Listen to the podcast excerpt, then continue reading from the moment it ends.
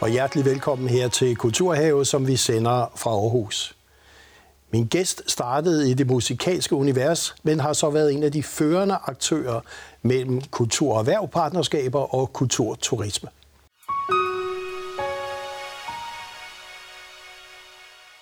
Og velkommen til dig, direktør Trine Jebsen i dag, også fra dit eget lille konsulentfirma, mm. som du har lavet. Øh, men det startede jo et helt andet sted, det bliver vi jo nødt til at sige. Du vandt et Dansk Melodi Grand Prix i 1999. og det kan føre til meget. det er rigtigt. Ja. Det gjorde jeg. Og, øh, og siden har vejen jo været øh, både lang og spændende og, og broget og, øh, og ført mig mange forskellige steder hen. Men du vandt i 99. Ja. Var det med Michael Tels? Øh... Michael Tessel? Ja, Tessel, ja. ja. ja. Og det, hvad hed nummeret? Jeg kan ikke engang huske det. Denne gang. Denne gang. Yes. Ja. Og man kan sige, at mange starter jo der. Mm-hmm. Øh, og så førte det så videre til, man kan sige, øh, der var noget, der hed Popstars ja. TV2. Ja. Måske det sådan først rigtige sådan X-Factor-agtige ting, der kom der. Det var jo, øh, altså Popstars øh, i 2001, hvor, hvor jeg var med, øh, var jo den første, kan man sige, at den her type af talentprogrammer i Danmark øh, var jo voldsomt hypet. Øh, der var øh, en million mennesker, der sad og så med hver øh, tirsdag, tror jeg det var, eller torsdag, hvor, hvor de her programmer løb over skærmen. Og det var første gang, man så den her type af, af talentshows øh, i Danmark. Så, øh, så det var også en, en, en, en vild og en spændende tid. Og gruppen du vandt, ja. hed IQ. Jeg tror, ja. der er mange, der egentlig godt kan huske det. Og vi har fundet et klip frem, som det vi skal have her. selvfølgelig. Ja.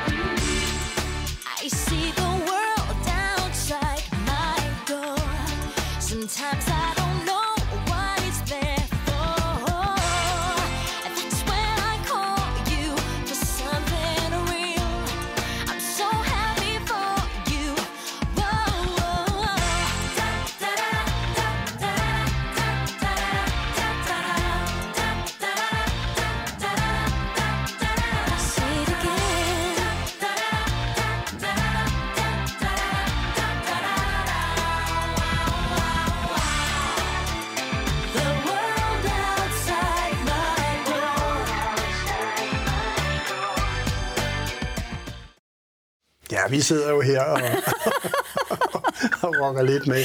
Ja. ja. Øh, der skete jo, det var faktisk starten på en karriere, hvor du også blev skuespiller. Mm, efter IQ. Ja. Øh, Marathondansen, en fantastisk opsætning på Gladsaxe Teater i 2005, ja. instrueret af Peter Langdal. Mm. Fik du en debut.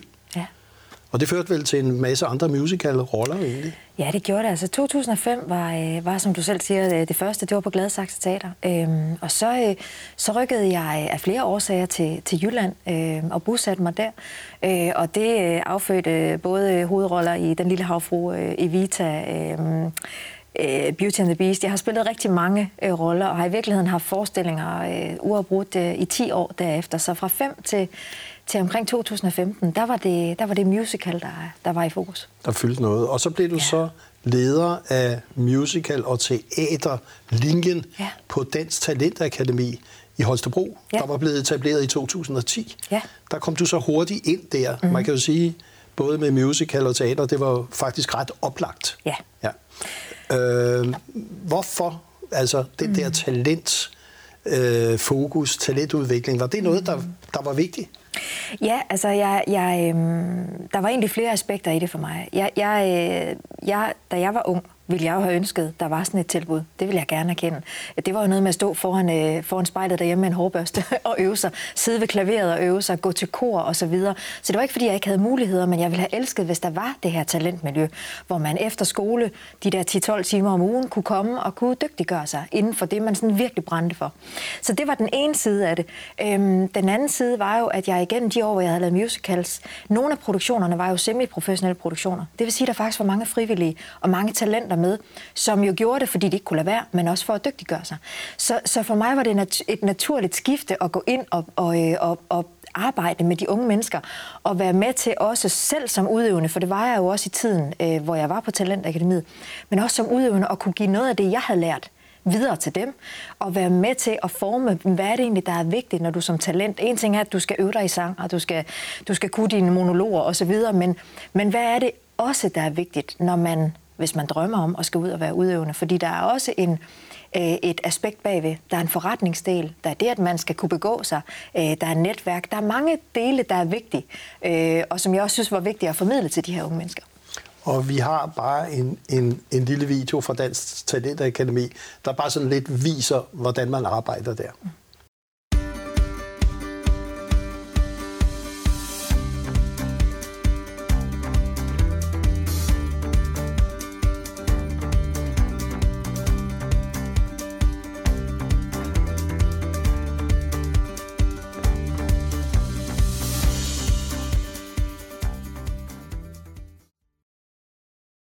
Ja, og Holstebro mm. øh, har jo så faktisk været et en vigtig by for dig, ja, kan man sige. bestemt. Altså dine år der. Ja. Øh, og det førte jo så til, at du fik muligheden for at blive direktør for Nørre Vosborg. Ja, præcis. Den store, flotte, gamle herregård. Ja. 700 års historie. Ja.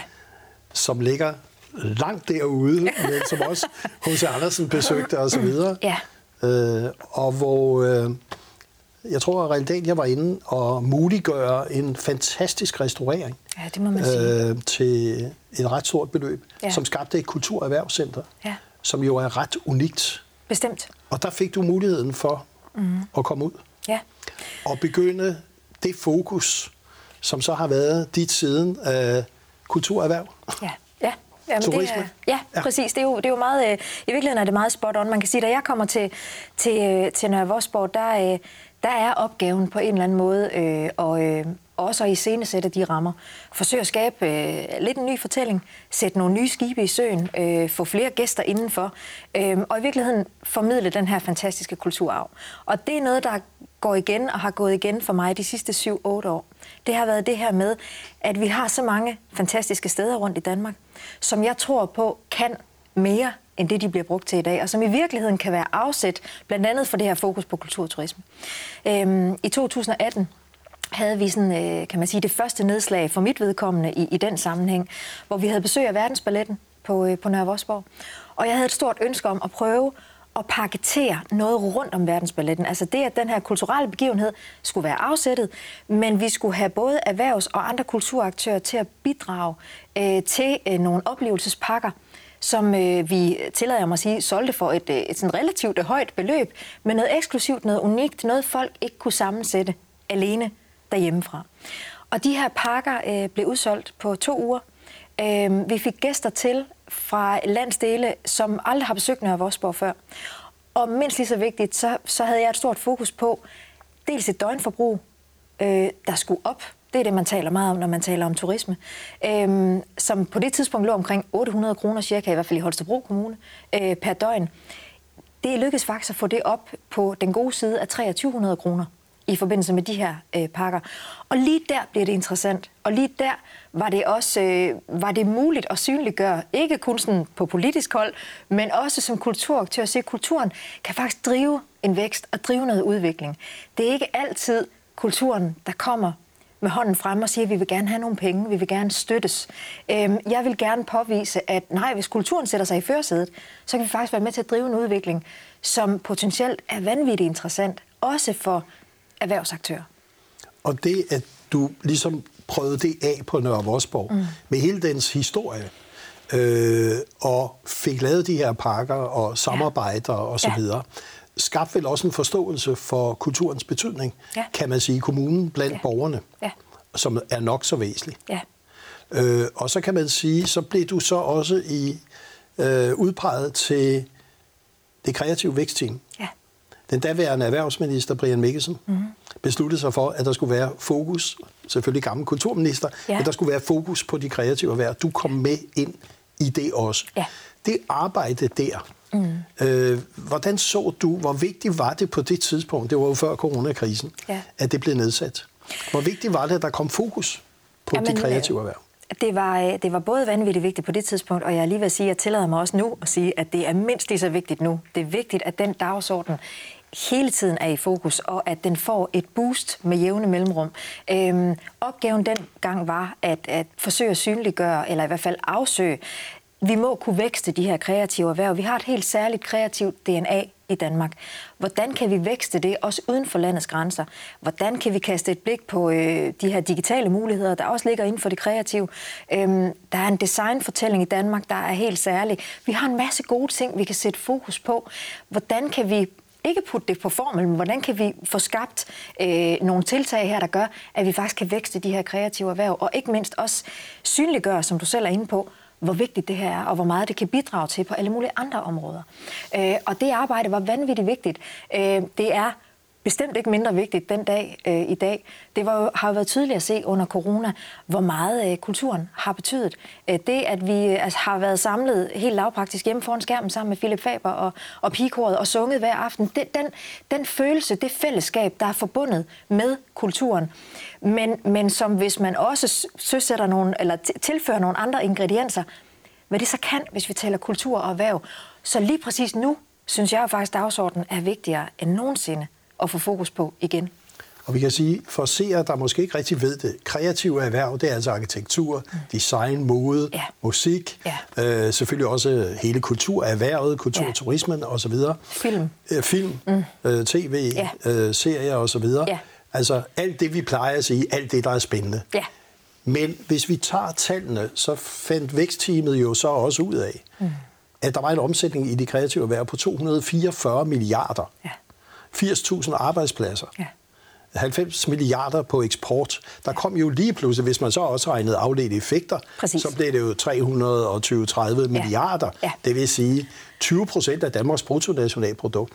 Det var vel også en overraskelse, at det faktisk fylder så meget? Ja, det var en overraskelse, og samtidig er det jo tankevækkende, at det netop med afsæt i de tal, fordi hvis vi, sådan lige tager, hvis vi lige tager erhvervsbrillerne på, så er det jo noget, folk fra erhvervslivet, det forstår man. Altså når vi taler tal, så er man helt med på, hold da op. Øhm, men, men jeg tror, at udfordringen og noget af det, jeg beskæftiger mig med nu, og jeg synes er interessant, det er, at kultur og erhverv, det er, det er på nogen kunst og kultur, lad os kalde det, det er ikke den verden, og erhvervslivet. Det er to forskellige verdener, der taler to forskellige sprog. Og, og, og der er nogen, der skal binde det sammen. Der er nogen, der skal komme med de gode eksempler. Der er nogen, der skal samle folk rundt om et bord. Min erfaring er, at kunst- og kulturlivet bliver faktisk mere og mere åbne. For også gerne at vil tale om erhverv, og tale om dem selv som erhvervsdrivende. De vil også rigtig gerne sætte sig ind til bordet. De kan være bange for, uh, kommer der nogen nu, der sådan, du ved, skal til at bestemme, hvad jeg nu skal lave. Og hvis man siger ordet kommerciel, er der nogen, der virkelig bliver bange. Men, men det der med at få folk samlet rundt om et bord og sige, nej, kagen bliver større for os alle sammen. Hvis du er med på herover kulturaktør, at ham, der sidder herover som erhvervsaktør, hvis I leger sammen, så giver 2 plus 2 minimum 6. Og det er interessant. Og man kan sige, da vækstteamet så kom med deres anbefalinger, så har vi en, en, en lille video på daværende erhvervsminister Rasmus Jarlov og daværende kulturminister Mette Bock, der ligesom satte nogle ord på, hvor vigtigt det her er. Og vi kan sige, spændende, den nuværende regering har fortsat, hvad den daværende regering satte i gang. Så vi ser lige fra afleveringen af rapporten her.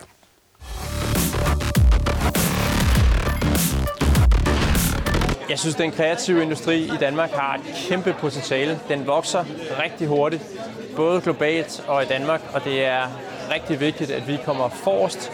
Vi har nogle styrkepositioner, dem skal vi udbygge, og der er det et rigtig godt skridt i dag med de meget kreative anbefalinger, som er kommet. Øh, rapporten her fra Vækstteamet for de kreative erhverv er virkelig velegnet til at komme videre, fordi den er så konkret. Der er nogle pejlemærker, der er en anbefaling af nogle helt konkrete handlinger, der skal til. Og som jeg ser det, falder det i tre grupper. Punkt 1, vi skal fjerne nogle snubletråde. Punkt 2, vi skal forløse et potentiale, der allerede ligger der. Og punkt 3, så skal vi skabe nogle nye udviklingsmuligheder. Det er de tre kategorier, det falder i, og det er sådan set lige til at gå til, og det vil regeringen selvfølgelig tage fat på.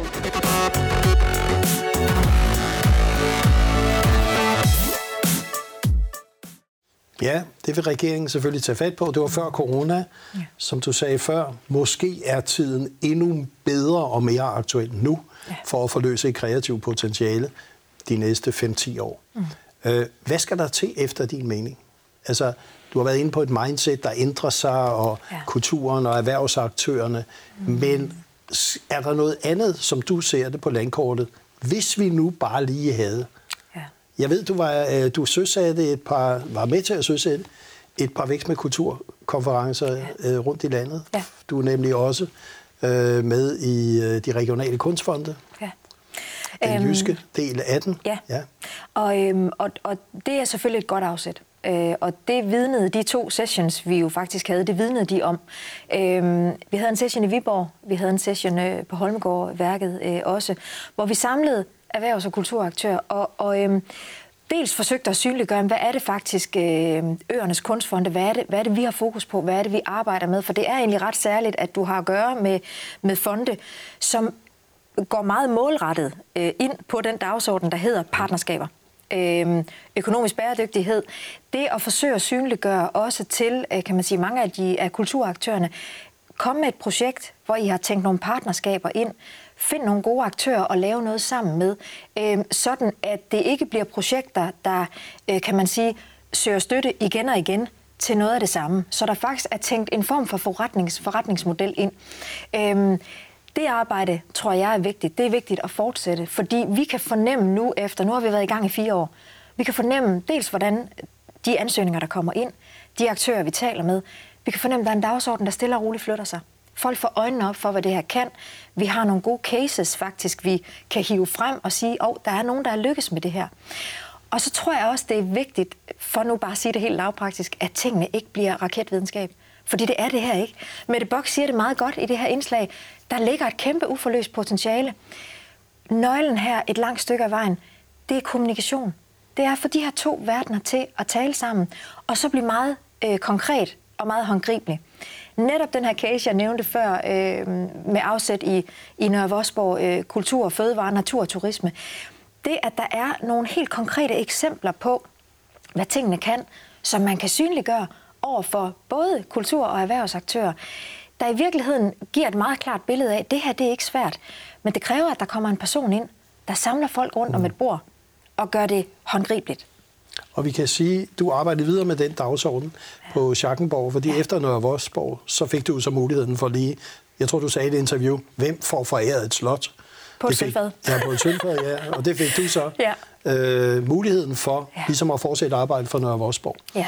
Øh, det har du gjort til indtil for ganske nylig. Du fortsætter arbejdet, men ja. du har ligesom besluttet at tage, skal vi sige, føretrøjen på for dig selv. Ja. Øh, hvad, hvad lykkedes på Schackenborg efter din mening? Øhm, jeg tillader mig at sige, at der er flere ting, der er lykkedes. Altså opgaven, da jeg kom til, til Schackenborg, det var, øh, det var igen at formidle stedet på en ny måde. Det var at sikre det tætte bånd, der, der heldigvis er imellem Sønderjylland og et kongehus, fordi Schackenborg er et kongeligt slot. Det var at skabe en ny fortælling. Og så var det at tilgængeliggøre det. Og åbne det her slot for flere mennesker indenfor. Igen med afsæt i noget, der jo er min kæphest, at den her kulturarv, vi har, skal formidles. Og måden, man formidler det på, det er ved at gøre det tilgængeligt. Vi har, vi har for mange gange besøgt øh, museer. Øh, heldigvis har den dagsorden også ændret sig, men mange af de her slotter og herregårde, der er der en kustodestang, og så må du kigge ind. Eller du, der er et plexiglas for, og så kan du, du kan få en fornemmelse. Du kan ikke rigtig røre, du kan ikke helt mærke det. Det er ikke tilgængeligt. Det var vigtigt for mig at starte med at slå dørene op til Schackenborg. Øhm, og det tillader jeg mig at sige, det, det vi lykkes med. Der er øh, mere end fordobling øh, af antallet af, af besøgende. Øh, Slotshaven er åben. Vi har åbnet en café. Vi har overtaget driften af en, en slotskro. Der, der er et helt andet kommercielt afsæt, vil jeg også gerne tillade mig at sige, nu. Øh, og alle de skibe, vi sådan besluttede for et par år siden, vi skulle sætte i søen, de er nu rullet ud.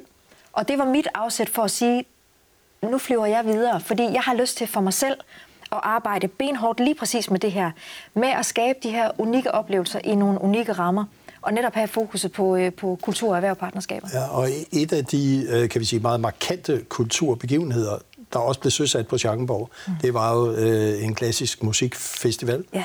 øh, som løber staten i august, ja. og som vi lige har nogle stemningsbedre fra. Mm.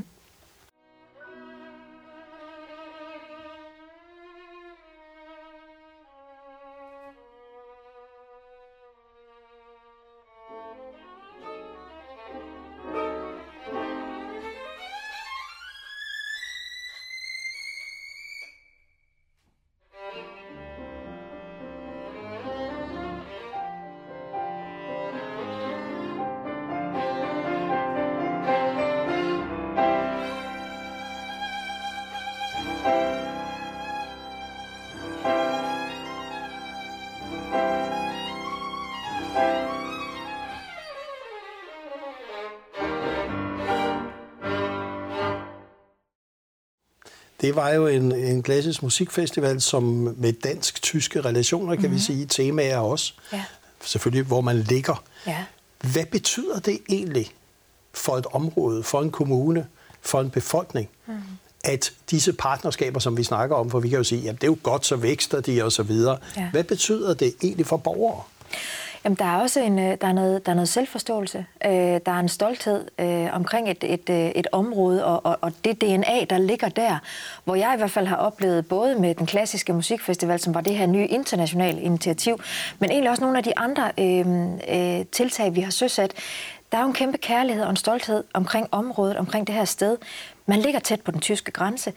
Der er nogle helt oplagte muligheder Øhm, men det kræver ligesom, at der er nogen, der, der kommer og iscenesætter det, for nu at sige det helt lavpraktisk. Det der med at få en idé, sige, der er et initiativ her, der giver rigtig god mening. Dels øh, gør det noget godt, øh, tillader jeg mig at sige, for den klassiske musik, som også har behov for, at der er nogen, der hiver, hiver nye initiativer ind og, og sætter det på dagsordenen. Fordi det er vigtigt, at vi også fremtidssikrer den klassiske musik. Og det har egentlig været afsættet også med, med det her initiativ, at, at i det område, i Sønderjylland øh, var det min oplevelse, at der ikke var ret meget klassisk musik. Øh, rammerne passer naturligt øh, til den her form for, øh, for udøvende kunst, så, så det var helt oplagt, at der skulle være et initiativ. Og det er klart, når man ligger, hvor Schackenborg gør, så har vi haft enormt meget fokus på, på øh, alle de gæster, der potentielt er syd for grænsen. Og lad os nu være ærlige, i, i, i Tyskland har man øh, en anden tilgang til den klassiske musik. Øh, et, andet, et helt andet afsæt, end vi har i Danmark. Så derfor var det også nærliggende at prøve at binde sløjfer på de to. Hvordan ser du den kulturturisme, alle snakker om, der skal i gang her i en post-coronatid, mm. som vi snart håber, øh, ja. vi er på den anden side. Men ja. hvor stor, kan vi sige, øh, er den betydning, som kulturturismen kan have i at få turismen tilbage, få hele kulturbranchen, oplevelsessektoren øh, for alvor i gang? Jamen, jeg vil faktisk øh, lægge hovedet på blokken og sige, at jeg lige vil sige, at jeg synes næsten, det er en af de aller, aller vigtigste øh, værktøjer, vi har i forhold til at få, få gang i maskineriet igen. Fordi min oplevelse er, med de gæster, jeg bare taler med, når vi taler i sådan på dagligdagen, øh, eller i dagligdagen på Schackenborg, så er det jo gæster, som de vil have det unikke. De vil have noget særligt. De vil rigtig gerne, når de kommer til Schackenborg, som de gerne vil se, så vil de gerne koble nogle oplevelser med det. Øh, de vil gerne spise god mad. De vil gerne have noget særligt.